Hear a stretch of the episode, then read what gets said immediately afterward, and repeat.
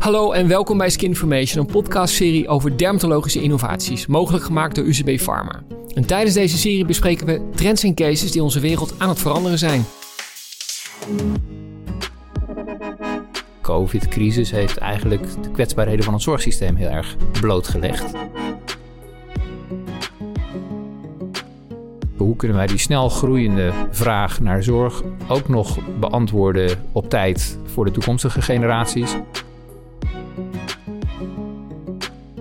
Niet vanuit Den Haag het systeem weer gaan aanpassen, maar echt vanuit op de werkvloer, klinisch leiderschap. Mijn naam is Bob Krijnen, zorginnovator en presentator. En ik presenteer deze serie met futurist en inmiddels halve marathonloper Tony Bosma. Leuk om hier uh, weer te zijn, Tony. Ja, uh, hartstikke tof, uh, Bob. we zijn vandaag wel met de auto gekomen trouwens, dus dat scheelt niet gelopen. niet, niet gelopen, nee, was te slecht vandaag, echt te slecht. en vandaag een hele mooie gast ook, een zeer interessante gast. Een keer niet uit 100% uit de gezondheidszorg. Nee, zeker. Maar we zitten vandaag met Michel van Schijk, directeur gezondheidszorg Rabobank. ook een mooie toevoeging aan het magazine Huid destijds geleverd. welkom Michel. Ja, dankjewel. Leuk dat je er bent. Ja. Hoe gaat het? Heel goed. Ja? Ja, gezond en wel. Kan mijn werk doen. Zit natuurlijk veel, heel veel thuis. En net zoals veel mensen. En dat is natuurlijk niet fijn. Maar ik uh, vind mijzelf toch een gezegend mens... dat ik gewoon, uh, nou ja, in ieder geval gezond ben. En dat kan doen. En ja. kicking. Ja. Alive en kicking. Ja. En we praten vaak over de negatieve dingen van de COVID. Maar er zit ook natuurlijk best wel positieve kant aan vast. En vandaag, Michel, gaan we praten over toekomstbestendige zorg. Maar voordat we dat gaan doen en over het onderwerp induiken... leuk voor ons hier aan tafel in de studio en de mensen thuis... had je iets verteld over je bezigheden naast je werkzaamheden. Ja, nou misschien ook wel goed om even te zeggen... dat ik uh, werk natuurlijk bij de Rabobank als directeur gezondheidszorg. Ben ik inmiddels al bijna 25 jaar actief. Maar ik ben eigenlijk een een tandarts, ooit opgeleid aan de Universiteit van Amsterdam. Heb daarna toch een keuze gemaakt om de boor aan de wilgen te hangen en me te gaan verdiepen in de systemische kant van de gezondheidszorg. Ben ik voor naar Amerika geweest, naar UCLA in Los Angeles. En uh, ja, na terugkomst in Nederland, een jaar of acht in de zorgverzekeraarswereld gewerkt. Dat was echt in de tijd van de planeconomie. En nou inmiddels dus al heel lang bij de Rabobank actief. En uh, nou ja, mijn verantwoordelijkheid is daar uiteraard dat ik dan uh, de portfolio manage die wij hebben in de gezondheidszorg. Mensen kennen de Rabo natuurlijk van de voed- en agri-sector, maar gezondheidszorg is in Nederland ook een focussector voor ons. En uh, ja, mijn nevenfuncties naast mijn verantwoordelijkheid binnen de bank zijn dat ik voorzitter ben van de Commissie Gezondheidszorg bij VNO-NCW. Maar ook bij de Nederlandse Vereniging van Banken. En ik heb nog een aantal commissariaten. Waaronder uh, bij het Instituut voor Positieve Gezondheid. Maar ook bijvoorbeeld bij een bedrijf als Zorgdomein, wat eigenlijk het uh, platform biedt waar langs alle verwijzingen in Nederland zo'n beetje plaatsvinden. Heb je nog slechte gewoontes meegenomen uit Amerika? Um, slechte gewoontes? Nou ja, dat is alweer zo lang geleden dat ik niet weet of die nog uit Amerika komen of niet. Maar Ze zijn ik, weet wel, wel, ja. ik weet wel dat toen wij terugkwamen uit Amerika, dat ik wel een paar kilootjes was aangekomen. En uh, dus de leefstijluitdaging, die was daar wat groter nog dan in Nederland. En, uh, maar ook in Nederland hebben we natuurlijk te maken met uh, nou ja, leefomstandigheden... waardoor die niet altijd bijdragen aan de gezondheid van mensen. Maar als ik aan Amerika denk en gezondheidszorg... dan denk ik toch wel een groot gapend gat met, met hoe het hier bijvoorbeeld in Europa... en Nederland al helemaal is geregeld, toch? Nou, dat is heel grappig dat je dat zegt. Want toen ik daar naartoe ging, ging ik daar natuurlijk in die tijd... Uh, zeg maar naartoe met het idee van Amerika loopt in alles voorop. En als ik daar dan naartoe ga, dan uh, ga ik heel veel leren... wat over tien of twintig jaar daarna ook in Nederland gaat gebeuren. Maar ik kwam daar in, in, in, in colleges terecht met buitenlandse studenten... uit alle hoeken van de wereld. En die hadden we natuurlijk wel eens over van hoe is dat dan geregeld in, in, in Canada of in, in, in, in Korea of in Japan of en ook in Nederland. En heel vaak was dan de conclusie van... joh, waarom ben je eigenlijk naar Amerika gekomen? Want in Nederland hebben het hartstikke goed voor elkaar. He, dus dat is wel iets waar ik nog dagelijks mij van bewust ben. Dat we in Nederland natuurlijk veel klagen over de zorg... maar dat we in, de, in zijn algemeen natuurlijk ook heel tevreden moeten zijn... over wat we hebben. Maar dan zeg ik er altijd meteen achteraan, komma...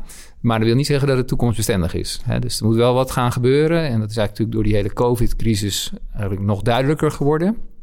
Heel veel van de trends die we al zagen jaren geleden, zelfs al toen ik in Amerika zat, uh, ja, die zijn in de loop der jaren niet gekeerd of alleen maar versterkt. En de COVID-crisis heeft eigenlijk de kwetsbaarheden van het zorgsysteem heel erg blootgelegd. En uh, ja, dus het is heel uitdagend om een bijdrage te mogen leveren vanuit mijn rol als bankier om uh, ja, zeg maar met de spelers uit het veld na te denken... hoe kunnen we nou dat zorgsysteem in Nederland toekomstbestendig maken... ook voor onze nieuwe generaties. Even terug naar de Wilgen, eh, Michel, voordat we naar het hier en nu gaan. Eh, je, hebt, je, bent uh, opgeleid als standaards in Amsterdam. Je hebt de boor aan de Wilgen gehangen. Wat was de call? Wat was de, de, de motivatie om dat te doen? Was dat innovatie? Was dat vernieuwen? Was dat het zorgsysteem? Wat was dat? Ja, ik denk van alles een beetje wat. Ik had op een gegeven moment natuurlijk, je maakt zo'n studiekeuze als je 17, 18 bent en heb die opleiding ook met veel plezier gedaan. En naarmate ik wat verder kwam, was ik natuurlijk uh, student in Amsterdam. En dan ga je nadenken over wat betekent dit eigenlijk voor mijn toekomst. En ik had ja, aan het eind van mijn opleidingen toch wat ongemakkelijk gevoel bij het idee dat ik dan de praktijk in zou gaan. Omdat dat in die tijd betekende dat je dan 30, 40 jaar uh, in een tandartspraktijk zeg maar de boor zou gaan hanteren. Dat voelde voor mij ongemakkelijk en niet iets als ik, waar ik warm van werd.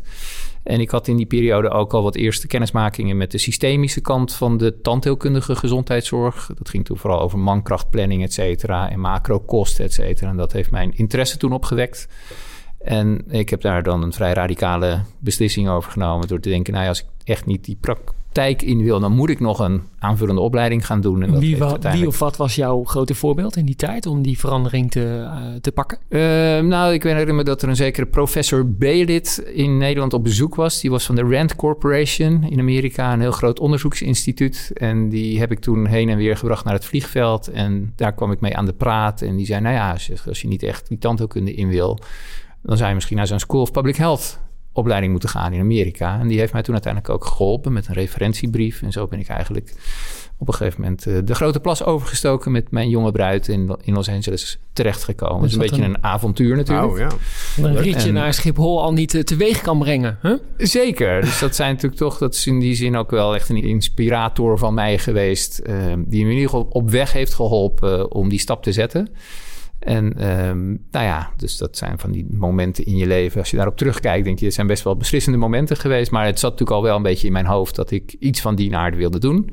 Ik speelde op die, in die tijd ook vrij fanatiek basketbal. Hè, dus dat was natuurlijk ook een typisch hm. Amerikaanse sport. The place to be is uh, Amerika. exact. Hè, dus ik kwam toen uiteindelijk ook op in UCLA terecht. En dat is natuurlijk in Amerika een wereldberoemde uh, college basketbal um, uh, universiteit. En dus ik stond toen op een gegeven moment ook op het prachtige Poly Pavilion met die schitterende houten vloer met al die champions uh, trophies die ze aan de plafonds daar hebben hangen. Dus dat voelde wel als een soort van ja, een beetje in de hemel terechtkomen. Een beetje thuiskomen. Ja. En we hebben nu meteen iets eh, van een hobby van jou. Want de vraag was natuurlijk ook, wat doe je naast je, je dagelijkse werkzaamheden? En een van de hobby's is dus basketbal. Ja, maar dat heb ik inmiddels al een beetje eh, achter mij gelaten, Bob. Want dat is niet meer zo, uh, daar is mijn lijf niet helemaal meer uh, Volg je het wel nog, of niet? Nou, eigenlijk ook niet zo heel erg. Dus ik ben uiteindelijk wel heel erg overgegaan op hardlopen en daarna fietsen. Hè. Dus ik ben, ik zag jouw mooie fiets hier staan. En dus dat inspireert mij ook meteen weer. Dus ik probeer zoveel mogelijk te fietsen. En, uh, en een roeimachine, dus een wandelen. Dus nou ja. Dus bewegen zit wel in bewegen zit wel in mij. programma. Zeker. En ik ben me er ook heel erg bewust van dat dat ten eerste heel leuk is om te doen. En ten tweede natuurlijk ook een investering maar basketbal in als, uh, basketbal als e-sport? Als e-sport? Ja. Nou, daar heb ik nog nooit aan gedacht. Maar nou ja, misschien, dat het ook kan. Ja, misschien wel ja, leuk. Ja, ik heb nog wel heel veel leuke vrienden uit die tijd. Hè, dus dat is ook wel weer een vormende periode natuurlijk. En ik ken nog veel ja, basketbalvrienden... die voor een deel ook weer in het zorgsysteem terecht zijn gekomen. En uh, altijd nog hartstikke leuke contacten mee. even terug naar uh, Amerika. Op een gegeven moment was je daar klaar met je opleiding. Je ging weer terug naar Nederland. Toen ben je bij een zorgverzekeraar terechtgekomen. Hoe is dat zo gekomen? Nou, dat is dan weer gekomen via een andere inspirator uit mijn leven. Dat is Rob Scherens. Die is inmiddels helaas overleden afgelopen jaar. En Rob die was destijds directeur van het KLOS. Dat was de koepelorganisatie van particuliere ziektekostenverzekeraars. En um, ik heb toen ja, een aantal mensen, voordat ik naar Amerika ging... Een, gewoon een brief geschreven om eens te vragen... wat kan ik eigenlijk met zo'n opleiding als ik dan weer terug zou komen in Nederland? Je deed wat, wat vooronderzoek al? Al wat vooronderzoek. En hij was een van degenen die me dan toen ook te woord heeft gestaan. En uh, zei van nou, als je nou die opleiding gedaan hebt, kom dan nog eens langs. En dat heb ik gedaan toen ik weer klaar was in Amerika. En hij heeft mij toen eigenlijk vrij snel een baan aangeboden. En het was een hele inspirerende man. Hij had een hele, hele intelligente man. En uh, nou ja, zeg maar, zat daar dan eigenlijk als vertegenwoordiger van de particuliere ziektekostenverzekeraars. Dat had je in die tijd nog, ziekenfonds in particulier. En in de planeconomie van die tijd had hij zeg maar, namens die particuliere ziektekostenverzekeraars ook een wettelijke plek verworven in het zorgsysteem via de wet tarieven gezondheidszorg. Dus toen ik daar begon te werken, zat ik al vrij snel als jonge klare aan de onderhandelingstafels bij de grote ziekenhuizen in bijvoorbeeld Amsterdam, maar ook in Friesland. En nou ja, zo ben ik eigenlijk vrij snel dat zorgsysteem ingerold en kreeg ik heel veel ja, ervaring en natuurlijk ook een netwerk in dat complexe zorg. Hoe lang heb je dat gedaan met de zorgverzekeraar? Ik heb zes jaar bij het KLOS gewerkt. En, en toen de overstap gemaakt naar de Rabobank? Nee, toen heb ik nog twee jaar bij Nuts Ora gewerkt. Dat was in Den Haag. En daar ook het lokale overleg, zoals dat dan heette, gedaan. Um, zowel namens het ziekenfonds daar, maar ook namens de particuliere ziektekostenverzekeraars. En nou ja, op een gegeven moment was ik eigenlijk wel een beetje klaar met dat jaarlijkse ritueel waarin we dan de COTG-formulieren moesten invullen. Daar kwam het eigenlijk op neer. En dat bepaalde dan wat het budget was van zo'n zorginstelling. Dus toen heb ik de overstap naar de Rabobank gemaakt, omdat die een internationale healthcare-ambitie hadden toen. En die op zoek waren naar, nou ja, iemand die daar een verstand van zaken had van die zorg. En dat was jij? Zat, zat, er niet bij de bank. En ik dacht, nou, dat is wel een mooie uitdaging. Ik had wel gezien dat de banken wel een rol speelden, maar heel onzichtbaar waren in die tijd. En ik zag ook dat ik waarde kon toevoegen aan de bank, omdat ik in ieder geval meer wist dan de andere bankiers over die zorgsector. En zo is dat begonnen. Een beetje sprong in de duister wederom. Maar die is heel, heel goed uitgepakt. Dus het is een heel mooi bedrijf. En uh, ja, we hebben tot op de dag van vandaag uh, eigenlijk die positie in die portefeuille ontwikkeld in de loop der jaren.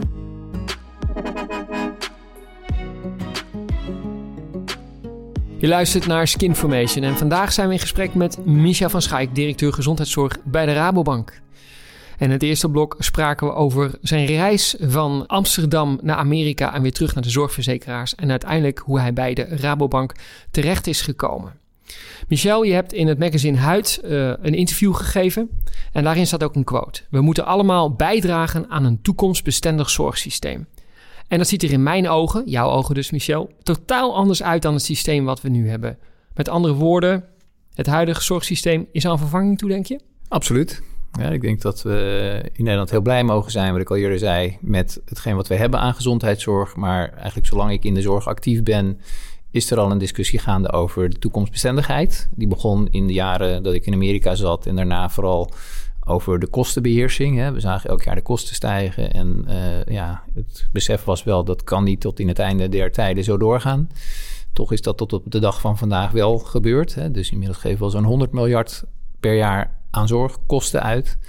En, um, maar goed, inmiddels zien we dat uh, niet zozeer het geld de beperkende factor is, maar vooral het personeel. Hè? Dus je ziet dat er enorme uitstroom, maar ook uh, ja, overwerktheid of burn-out in de zorg gaande is. Dus het zijn allemaal symptomen van een systeem wat eigenlijk niet op de lange termijn houdbaar is. En um, nou ja, ik heb met Philip Idenburg in 2010 al een boek geschreven of uitgegeven. Dat heet Diagnose 2025 over de toekomst van de Nederlandse gezondheidszorg hebben toen een aantal trends beschreven en ook eigenlijk geconcludeerd dat we een heel mooi systeem hebben, maar niet toekomstbestendig. En toen zeiden heel veel mensen, waarom doet een bank dat eigenlijk? En het simpele antwoord was eigenlijk dat we zeggen, ja, wij investeren heel veel geld in die zorgsector. En het gaat echt over vele miljarden die wij aan leningen verstrekken aan zorgaanbieders. En dat zijn dan vaak contracten met langere termijnen. Dus dat gaat soms over 20, 30 jaar. Dus het is logisch dat wij dan ook nadenken over ja, hoe gaat dat systeem er in de toekomst uitzien. En daar staan drie scenario's in. En er zijn drie scenario's in die we toen hebben gepresenteerd. Dat ging eigenlijk over een scenario dat het economisch in Nederland voor de wind zou gaan in de periode 2010-2025. En daar dat we het geld zouden hebben om te blijven doorinvesteren in de kwaliteit van de zorg. Maar er zat ook een scenario in waarin we zeiden het gaat economisch tegenzitten. Hè? Dus dat uh, betekent dat we moeten gaan bezuinigen en dat we keuzes moeten maken. Dat hebben we toen het breukscenario genoemd. En daar zaten beelden in geprojecteerd op 2025 van tweedeling, uh, nou ja, verschraling, wachtlijstproblematiek. En, uh, en dan was er nog een soort middenscenario, dat noemden we dan het doormodderscenario. We maken geen echte keuzes tussen marktwerking, geen marktwerking. En uh, nou ja, politiek houdt elkaar in een ijzeren wurggreep. Hè, dus echte... Nou, herkenbaar. Ik denk het wel. Hè, dus, maar het grappige was, we gingen toen het land rond, hè, Filip en ik. En ik stond voor allerlei groepen mensen die dan nou ja, waarmee we het gesprek wilden voeren over de langere termijn uh, lijnen. De zorg was natuurlijk heel erg altijd gericht op het ja, één jaar vooruit kijken. Dan kreeg je weer een budget en überhaupt nadenken over hoe ziet het. Hoe ziet een ziekenhuis of een zorginstelling er over vijf of tien jaar uit? Dat was helemaal niet nodig. Daar reageerde men eigenlijk niet op. Nee, en voor ons is dat natuurlijk, was dat zeker als geldgever, waar we soms uh, financieringsvragen kregen van soms wel 300, 400 miljoen voor het bouwen van een nieuw ziekenhuis. Natuurlijk toch wel relevant dat we met een klant te maken hadden die ook nadacht over hoe ziet het er over 10 of 20 jaar uit. Hè? En nog even hier en nu. Ik uh, kan me niet aan de indruk onttrekken dat uh, in de banksector is een stresstest iets heel normaals is sinds de bankcrisis. Moet je elk jaar wordt die ja. geloof ik gedaan, weet je beter dan ik. Nou, we hebben nu een stresstest voor de zorg. En ik denk dat ons zorgsysteem in ieder geval wel gefaald heeft. Ja, dat zou je kunnen zeggen. Aan de andere kant kun je ook zeggen dat, hoewel het nu kantje boord is, as we speak, hè, dus we zitten nu aan te kijken tegen een potentieel zwart scenario, zou je ook kunnen zeggen, nou ja, in ieder geval de mensen die echt zorg nodig hebben, die worden nog steeds geholpen. Maar het is nu wel echt in de survival mode. En dan vertaal je de eh, mensen die echt hulp nodig hebben, de mensen die COVID-19 hebben. Maar de mensen die. Ja, nee, daar heb je helemaal gelijk in. zorg, die worden, klopt. die worden afgeschaald. Ja, zeg maar. ja, ja, dus daar hebben jullie natuurlijk helemaal gelijk in. En uh, nou ja, dan zie je eigenlijk ook wel hoe het systeem daar dan op reageert. Hè, door in ieder geval die keuze te maken om die tembare zorg af te schalen. Wij uh, zien dan dat er wel degelijk capaciteit in de markt is. Bijvoorbeeld in de hoek van de ZBC's, hè, de zelfstandige behandelcentra. En dan zie je dat het systeem toch ook nog steeds wel heel erg defensief is. Door toch met de nodige tegenzin die patiënten door te verwijzen naar uh, particuliere klinieken. En veel meer de vraag stellen van we vinden dat het personeel van die particuliere klinieken naar het ziekenhuis moet komen om te helpen. En um, nou ja, dat zegt ook iets over hoe naar binnen gericht eigenlijk ons zorgsysteem is. Ja, voor de duidelijkheid, het zorgsysteem op zich niet de mensen die erin werken, want die zijn van zeer goede willen. Alleen op een gegeven moment houdt dat natuurlijk ook op. Hè? Klopt. Na de zoveelste crisis en de zoveelste lockdown ben je op een gegeven moment zelf ook uitgeput als mens. Ja, nee, dat klopt. Hè. Dus ik zeg wel eens dat uh, in die zin het zorgsysteem in Nederland, nogmaals, we hoeven daar ons helemaal niet voor de schaam. In tegendeel, mogen in zekere zin ook trots op zijn. Maar het institutionele kader wat we om dat zorgsysteem hebben heen gezet, hè, dus de, nou ja, de, de, zorgorganisaties, maar ook de rol van de zorgverzekeraars, maar ook eerlijk gezegd de rol van de NZA en van het ministerie van VWS, zijn eigenlijk allemaal actoren van hetzelfde paradigma die op de een of andere manier niet meer in staat zijn om nou ja, snel genoeg te reageren op de verandering die eigenlijk de samenleving vraagt van dat zorgsysteem. Dus ze hebben allemaal hun eigen rol in het systeem, maar zijn eigenlijk met elkaar niet goed in staat om zich aan te passen aan de heel snel veranderende buitenwereld. Komt dan ook niet de term uh, anti-fragile naar voren, zeg maar? Ik, weet, eh, ik heb daar ook sessies mee gedaan over de toekomst van zorg. En, dat houdt eigenlijk in dat, dat de zorg moet uh, kracht ontlenen uit de onzekerheid van de ontwikkelingen in de samenleving. En nu is de zorg eigenlijk uh, ingericht op basis van de dingen die zij denken die eraan komen, zeg maar. Ja. Maar eigenlijk moet je dus antifragiel gaan organiseren. Ja, en dat, dat is ingewikkeld in die zin dat, uh, nou ja, je zou kunnen zeggen, wij hebben toen dat, in dat boek Diagnose Zorginnovatie in 2013 een, een, een beeld geschetst van de ontwikkeling van de zorgsector van een patersysteem. En dat is dan vadertje staat zorgt voor uw planeconomie, wat heel goed gewerkt heeft na de oorlog om een goed voorzieningenniveau op te bouwen. Um, naar een ecosysteem, laten we maar zeggen, gereguleerde marktwerking. Ieder gaat voor zich met een andere rolverdeling. De zorgverzekeraars moesten dan de beste zorg tegen de laagste kosten inkopen om daarmee die kostenontwikkeling de kop in te drukken. Dat heeft eigenlijk niet echt geleid tot een wezenlijke verandering. Dus je zou kunnen zeggen dat is niet geworden wat we ervan gehoopt hadden. Het is nog steeds een aanbodgedreven systeem waarin het zorgaanbod centraal staat en de patiënt naar de zorg moet. Mm Niet de zorg zeg maar, zich aanpast aan de vraag van de patiënt. En uh, waar wij eigenlijk voor pleiten is nu niet terug weer naar een centrale planeconomie. Wat nu sommige mensen denken van de minister moet het allemaal weer gaan regelen. Wij denken dat dat een, ik denk dat het kansloos is. Ik denk dat we nu eigenlijk zeg maar uh, de beweging moeten maken dat we moeten kijken wat heeft die burger eigenlijk nodig. En die burger wordt ouder en ook jongere burgers hebben allerlei uh, problemen met gezondheidsissues. En, um, en het zorgaanbod moet eigenlijk gaan nadenken... hoe kunnen wij die, die snel groeiende vraag naar zorg... ook nog beantwoorden op tijd voor de toekomstige generaties. En dan gaan nadenken over wat is dan mijn toegevoegde waarde in dat zorgsysteem. En hoe onderscheid ik mij dan uh, van anderen. En, uh, en hoe ga ik gebruik maken van bijvoorbeeld technologie om mijn hele zorgaanbod totaal anders in te gaan richten. Ja, want de aanname was natuurlijk dat, eh, dat ze zeiden altijd... de zorgvraag neemt elk jaar toe. Ja. maar is dat ook zo? Is de zorgvraag beïnvloedbaar? En COVID, even, die heeft natuurlijk negatief iets laten zien. Positief, maar ook negatief. Die heeft laten zien dat de zorgvraag wel degelijk te beïnvloeden is. Zeker. En ik denk dat je wel kunt zeggen dat ouderdom komt met gebreken. Dus je ziet dat mensen op latere leeftijd allemaal wel één of meerdere chronische ziektes oplopen. En dan op een zeker moment ook patiënt worden. Alleen we hebben natuurlijk ook wel heel veel dingen gemedicaliseerd. Omdat we heel erg na de Tweede Wereldoorlog vanuit een medisch model gedacht hebben. Wij gaan alle ziektes de wereld uit helpen. En misschien komen we wel toe aan het eeuwige leven. Maar dat is uiteindelijk niet gelukt. Dus ik ben een enorme aanhanger van het gedachtegoed van positieve gezondheid. Van Machteld Huber, die het Instituut voor Positieve Gezondheid heeft opgericht. Die veel meer uitgaat van het feit van nou, we moeten veel meer de patiënt centraal stellen, of de burger. En niet wachten tot die patiënt is, maar de burger. En vanuit de behoeften van die burger gaan nadenken. Wat ehm, zeg maar is voor jou belangrijk? Hè? What matters to you? En uh, niet onmiddellijk een diagnose stellen en een behandelplan inzetten. Maar dat ligt natuurlijk dan ook een uh, verantwoordelijkheid bij die burger. Dat hij eigenlijk meer zelf verantwoordelijkheid moet nemen om te investeren in zijn eigen gezondheid en vitaliteit. En hier heb je het dan over dat ecosysteem waar je ja, het boek dus, over hebt. En dat bedoelde ik eigenlijk ook met uh, de hele samenleving moet daaraan bijdragen. Dat er ook natuurlijk, we hebben de burgers natuurlijk in die zin ook wel heel erg verwend met een zorgaanbod wat altijd maar klaar stond om als er sprake was van ziekte of ongezondheid, om dat via collectieve arrangementen op te lossen. Wat vragen we dan van onze burgers anders dan dat we nu doen? Nou ja, dat we eigenlijk die burger uh, de kennis en de kunde zouden moeten bijbrengen, al op jonge leeftijd, van hoe kan ik een gezond leven leiden. Je hebt dus het over gez gezondheidsvaardigheden. Gezondheidsvaardigheden. Ja. Um, en dat begint natuurlijk niet pas als je patiënt bent, maar dat begint eigenlijk al voor de geboorte zelfs. Hè? Dus. Uh, en, uh, en daarnaast moeten we natuurlijk ook de leefomgeving waar die burger uh, zijn dagelijks leven leidt, veel gezonder gaan maken. Want je moet best wel sterk in je schoenen staan om alle verleidingen te weerstaan die je bijvoorbeeld op een centraal station aangeboden wordt in termen van ongezond voedsel.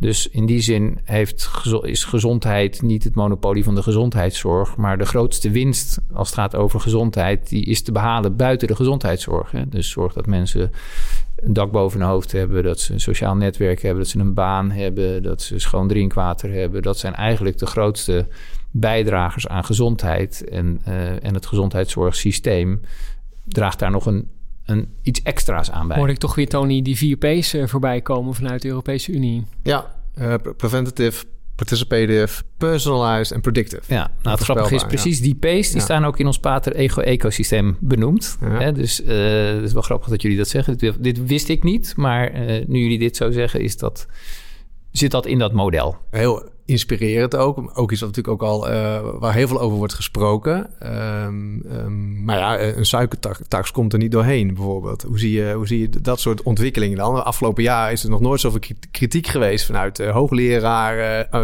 artsengroeperingen over nou, her, herschrijven het zorgsysteem. Ja. Het is echt tijd om daar iets aan te gaan doen. Ja. Maar die keuzes blijven nog steeds. ja, ik heb ook het idee dat dat zijn een aantal hele lastige keuzes, ook voor de politiek, want dat gaat misschien wel stemmen kosten, ik weet het niet. Maar ja. um, hoe zie je dat? Nou, in ons ecosysteem hebben wij ook gezegd dat de overheid op een aantal punten directiever moet worden. Hè? Dus uh, juist op dit soort punten, door, uh, omdat die gewoon moeten zorgen dat er een soort van level playing field komt, door bijvoorbeeld een suikertax of een vettax in te voeren.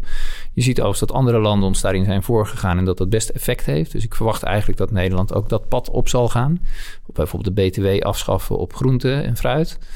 En ik verwacht eigenlijk, we zitten natuurlijk nu in de fase dat er een nieuwe regering gevormd gaat worden, dat preventie in zijn algemeenheid een veel grotere plek gaat krijgen op de agenda. Het is natuurlijk ook bizar om te beseffen dat wij per jaar zo'n 5500 euro aan gezondheidszorgkosten per persoon uitgeven en dat daarvan maar 20 euro of 30 euro te maken heeft met preventie. Hè. Dus terwijl heel veel van de ziektelast die uiteindelijk in de zorgsystemen terechtkomt, heeft te maken met gedrag en leefstijl. Ja, en die 5500 euro, die gaat na 2040 gaat die naar 9600 euro, heb ik al Ja, dus dat, dat, is natuurlijk bijna 10.000 euro uh, per persoon. Uh, ja, dus dat is, dat is natuurlijk eigenlijk onvoorstelbaar. Ja. En ik denk ook niet dat het gaat gebeuren, omdat we zeg maar het grootste deel van die kosten zouden dan zitten in personeel, wat we dan zouden moeten betalen om die zorg te leveren. Maar dat personeel dat is er nu al niet.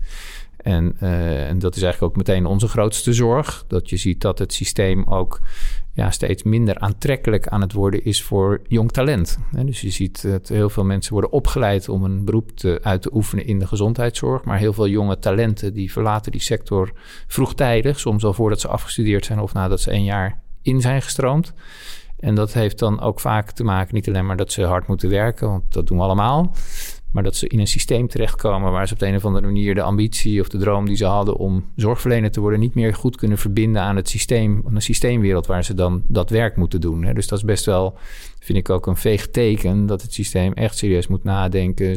Is het systeem in zichzelf niet heel erg hartstikke ziek? Michel, stel het nieuwe kabinet is gevormd en ze bellen jou en zeggen: geef ons nou eens een advies over een toekomstbestendig uh, zorgsysteem. Wat is dan uh, jouw kortluidende advies? Nou, ga veel zwaarder inzetten op die preventiekant. En wees ook een beetje hard als het gaat om die curatiekant. Want de realiteit is, en dat weten we allemaal, dat er nog heel veel verbeterpotentieel is in, in het bestaande aanbod van zorginstellingen. Denk bijvoorbeeld aan de, de hele inrichting van de eerste hulp en de traumazorg. Dat is natuurlijk een eindeloos debat waar het maar niet lukt om dat te concentreren op een beperkt aantal plekken. Uh, zet heel erg in op die preventie en ook in de opleidingen van, uh, van, van zorgprofessionals geeft dat veel meer een plek en zorgt dat er ook verdienmodellen gaan komen op dat punt. Hè? Want de reden waarom er nu zo weinig op het gebied van preventie gebeurt, heeft ook te maken met het feit dat daar eigenlijk niet voor betaald wordt in het systeem. En uh, nou ja, ik denk dat overigens dat ook niet een opdracht is alleen maar aan de gezondheidszorg, maar dat wij ook als banken, maar ook andere bedrijven, en, uh, dus de hele bedrijfsleven daar ook een rol in. Dus wij zien dat bijvoorbeeld de schuldenproblematiek in Nederland schrikbarend snel toeneemt. En schulden brengen mensen uiteindelijk ook vaak in het zorgsysteem. Hè. Dus daar krijgen mensen stress van, voelen zich ongemakkelijk van. Dus uiteindelijk komen ze bij de huisarts of bij de psycholoog. Dus Um, ik denk niet dat dit een vraagstuk is wat je alleen aan de zorgsector kan overlaten. Dan moeten we echt de kracht in bundelen. En dat doen wij ook. Hè. Dus we investeren ook als Rabobank veel om te kijken wat kunnen wij doen om mensen uit de schulden te helpen. En dat draagt ook weer bij aan gezondheid.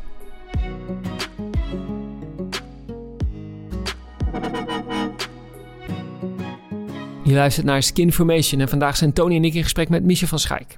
In het laatste blok gaan we praten over het toekomstbestendige zorgsysteem en enkele voorbeelden. Leuk voor onze luisteraars en voor ons hier aan tafel, Michel, als je wat uh, voorbeelden kan noemen voor ons uh, van echt succesvolle innovaties waarvan jij denkt van ja, die passen in een ecosysteem. Ja, ik zelf geloof dat kwaliteit eigenlijk het leidmotief moet zijn om de zorg te gaan transformeren. Dus dat, dat de vraag wordt vaak gesteld, wie moet dan de leiding nemen? En ik geloof dat dat heel erg vanuit de inhoud moet komen. En dat kom je al heel gauw bij de professionals terecht. En uh, een heel mooi voorbeeld van het afgelopen jaar is uh, Fit for Surgery. Dat is een interventieprogramma, een leefstijl-interventieprogramma... wat in het Radboud onder andere is ontwikkeld door Boukje van de Heuvel. En uh, Boukje is een chirurg en die heb ik ontmoet omdat wij ook een relatie hebben met dat ziekenhuis. En die vertelde dat zij voor de patiënten die bij haar in de praktijk uh, nou gediagnosticeerd worden als darmkankerpatiënt... Uh, op een gegeven moment zich de vraag heeft gesteld van ja, ik ga die mensen behandelen, maar eigenlijk weet ik dat de ja, de uitkomst van die behandeling een stuk beter is als die mensen fitter zijn. En ook als het ziekenhuis uitgaan, zouden ze eigenlijk weer een ander gedrag en leefstijl moeten hebben. Dus die heeft uh, een interventie ontwikkeld om die mensen eigenlijk uh, door de leefstijl wasstraat te halen in een hele korte periode voorafgaand aan de operatie. En dat heeft spectaculaire resultaten tot gevolg. Die mensen voelen zich veel meer betrokken bij hun behandeling. Ze liggen korter op de IC. Ze hebben een veel, hoog, of een veel hogere, een aanzienlijke lagere kans om te sterven. En uh, dus eigenlijk alleen maar voordelen. En ehm, ja, ze deden dat op beperkte schaal, omdat het niet werd bekostigd door de zorgverzekeraars. Dus we hebben toen met elkaar een business case ontwikkeld. En uiteindelijk op bestuurlijk niveau, Bertine Lahuis als bestuursvoorzitter van het Radboud werd op een gegeven moment er ook in betrokken. Um, ja, eigenlijk de topbestuurders van de zorgverzekeraars, het Zorginstituut, de NZA, het ministerie van VWS, allemaal de whole system in the room gebracht om uit te leggen van, nou ja, dat het eigenlijk logisch en goed zou zijn dat alle patiënten dit zouden worden aangeboden. En iedereen was in 10 minuten erover eens dat dat heel verstandig zou zijn, zowel vanuit kwaliteit als vanuit kosten. Maar toen heeft het nog negen maanden geduurd uh, voordat het uiteindelijk in het contract met de zorgverzekeraar is geland. Dus het positieve nieuws is, uh, het begint dan in dit geval met klinisch leiderschap. Hè, dus uh, in dit geval Buikje van de Heuvel. Um, en uh, het heeft wel moeite gekost, maar het kan wel. En dit is wel de manier waarop ik geloof dat de zorg moet transformeren. Niet vanuit Den Haag het systeem weer gaan aanpassen, maar echt vanuit op de werkvloer, klinisch leiderschap. Uh, dus het zijn dus, ja, het zijn, het, zijn dus, het zijn dus de pareltjes binnen de, binnen de zorg, zeg maar. De artsen, de, de, de, beetje ja. de rebellen misschien soms zelfs. Zeker. Die de stap naar voren durven te maken, die, die daadwerkelijk die innovatie en die verandering kunnen bewerkstelligen. Wat kunnen andere artsen van dit soort pareltjes leren? Want je hoort natuurlijk ook heel vaak van, ja, weet je, uh, innoveren en vernieuwen. We werken met, met zorg, we werken met, uh, met gezondheid van mensen. Dat is ook heel eng, dat, dat is moeilijk. Hoe gaan we daarmee om? Nou, wat vooral artsen denk ik kunnen leren is niet alleen maar te denken aan de eerstvolgende patiënt, maar ook over langere termijn strategieën. Want je ziet dat er steeds meer patiënten komen. Dus de vraag aan artsen is vanuit welk specialisme dan denk ik ook van wat voor strategieën kunnen wij ontwikkelen zodat we al die patiënten op tijd kunnen gaan helpen in de toekomst. Als we het blijven doen zoals we het nu doen, weten we eigenlijk zeker dat dat niet gaat lukken. En dan ook durven je hoofd boven het maaiveld uit te steken. Zoals Boukje, die in eerste instantie ook best veel weerstand kreeg van haar collega's, vertelde ze mij. Die zei, joh, daar zijn we helemaal niet van, van die preventie. En wij moeten gewoon die, eh, die operatie doen. Dus het is ook wel een soort persoonlijk leiderschap... dat je nou ja, je hoofd boven het maaiveld moet durven uitsteken... om het anders te gaan doen dan misschien gebruikelijk was in de sector. Ja, en een belangrijke learning ook dat je de juiste mensen in dezelfde kamer moet krijgen om het te overleggen. Want het gaat niet over één schrijven, maar ik hoorde snel drie, vier, vijf schrijven voordat je überhaupt iets concreets kunt gaan doen. Zeker, hè? dus het begint altijd bij een persoon die een bepaalde visie en ambitie heeft. En die gaat er een team om zich heen verzamelen. Die zag ook dat Boukje hele enthousiaste artsen in opleiding om zich heen kreeg. En die zeiden, nou, dit vinden wij super tof, want wij zien ook wel dat leefstijl belangrijk is. En nou ja, het bestuur werkt in dit geval mee. Dus je ziet dat je naar een coalition of the willing moet. Hè? Maar dan ook op een slimme manier de goede mensen in de goede rol moet uh, krijgen. En, uh, en dan nog is het moeilijk. Maar nogmaals, het kan wel. En vanuit de bank zoek ik eigenlijk continu klinische leiders die zich niet neerleggen bij de status quo, maar zeggen wij hebben een goed idee. En dat willen we in de praktijk gaan brengen. En die kunnen we op allerlei verschillende manieren helpen met kennis, netwerken en kapitaal. Stel dat we nou een luisteraar hebben, een dermatoloog in dit geval, die denken: ja, ik heb wel een goed idee. Ik wil wel eens met die Michel van Schaik gaan praten. Hoe kunnen ze jou bereiken? Nou ja, dat is heel simpel. Hè? Dus ik heb een, een eenvoudig e-mailadres uh, wat, uh, wat ze kunnen vinden op de website, zal ik maar zeggen.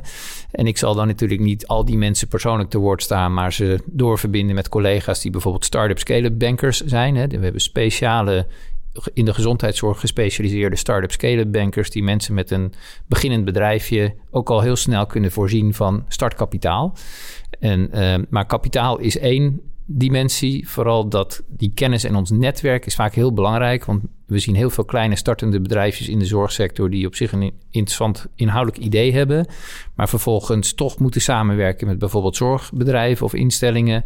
En gewoon niet weten bij wie ze kunnen of moeten aankloppen. En dan eigenlijk helemaal verdwaald raken in de bureaucratie of bij de verkeerde personen terechtkomen. Dat kost ze dan veel te veel tijd. En dan zijn ze bijna als spreken al failliet voordat ze goed en wel uh, de kans hebben gehad. En wij kunnen dan natuurlijk weer snel boardroom entrance verzorgen voor dit soort. Ja, want de eh, meeste dokters die wij kennen en spreken, die zijn gewoon ongelooflijk druk met de dagelijkse praktijk. Dus die doen ja. eigenlijk erbij. Hè? Ja, maar goed, dat is dan ook wel weer een beetje de vraag of je er ook zin in hebt en er geschikt voor bent. Dus je kunt natuurlijk, kan niemand dwingen om te gaan ondernemen. Maar wij zien wel steeds meer zorginstellingen die vastlopen in het oude businessmodel. En uh, ja, de manier om daar uit te komen is soms om iets nieuws te beginnen. Ja, mooi, mooi inderdaad vaak. En dat wat jij zegt ook, Bob, eh, tijdens interviews... dat ze zeggen, ja, weet je, als ik moet kiezen tussen innovatie... of een patiënt helpen die uh, pijn heeft of jeuk heeft... of uh, noem maar op, um, dan kies ik wel voor de patiënt. Want ja, die heeft nu, nu een probleem. Maar ja, dan zeggen we dus eigenlijk, ja, dat is prima... maar dan over de lange termijn... Ja.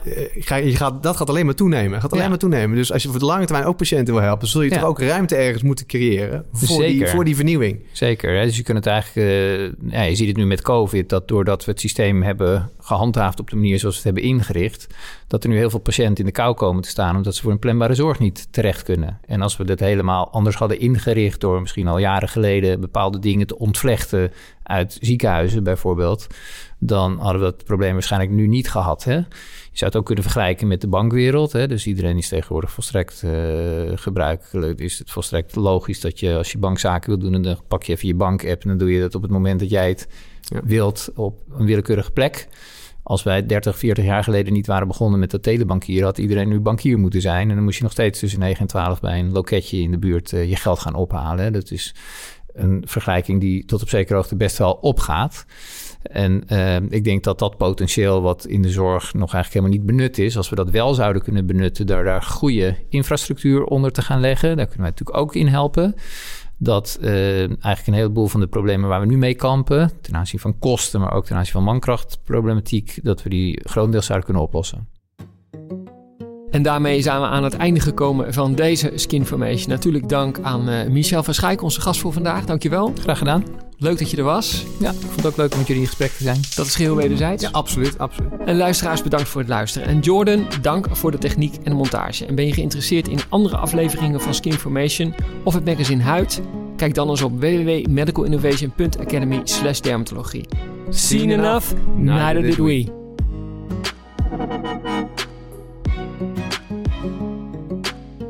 Deze podcast is mede mogelijk gemaakt door UCB Pharma. Inspired by patients, driven by science.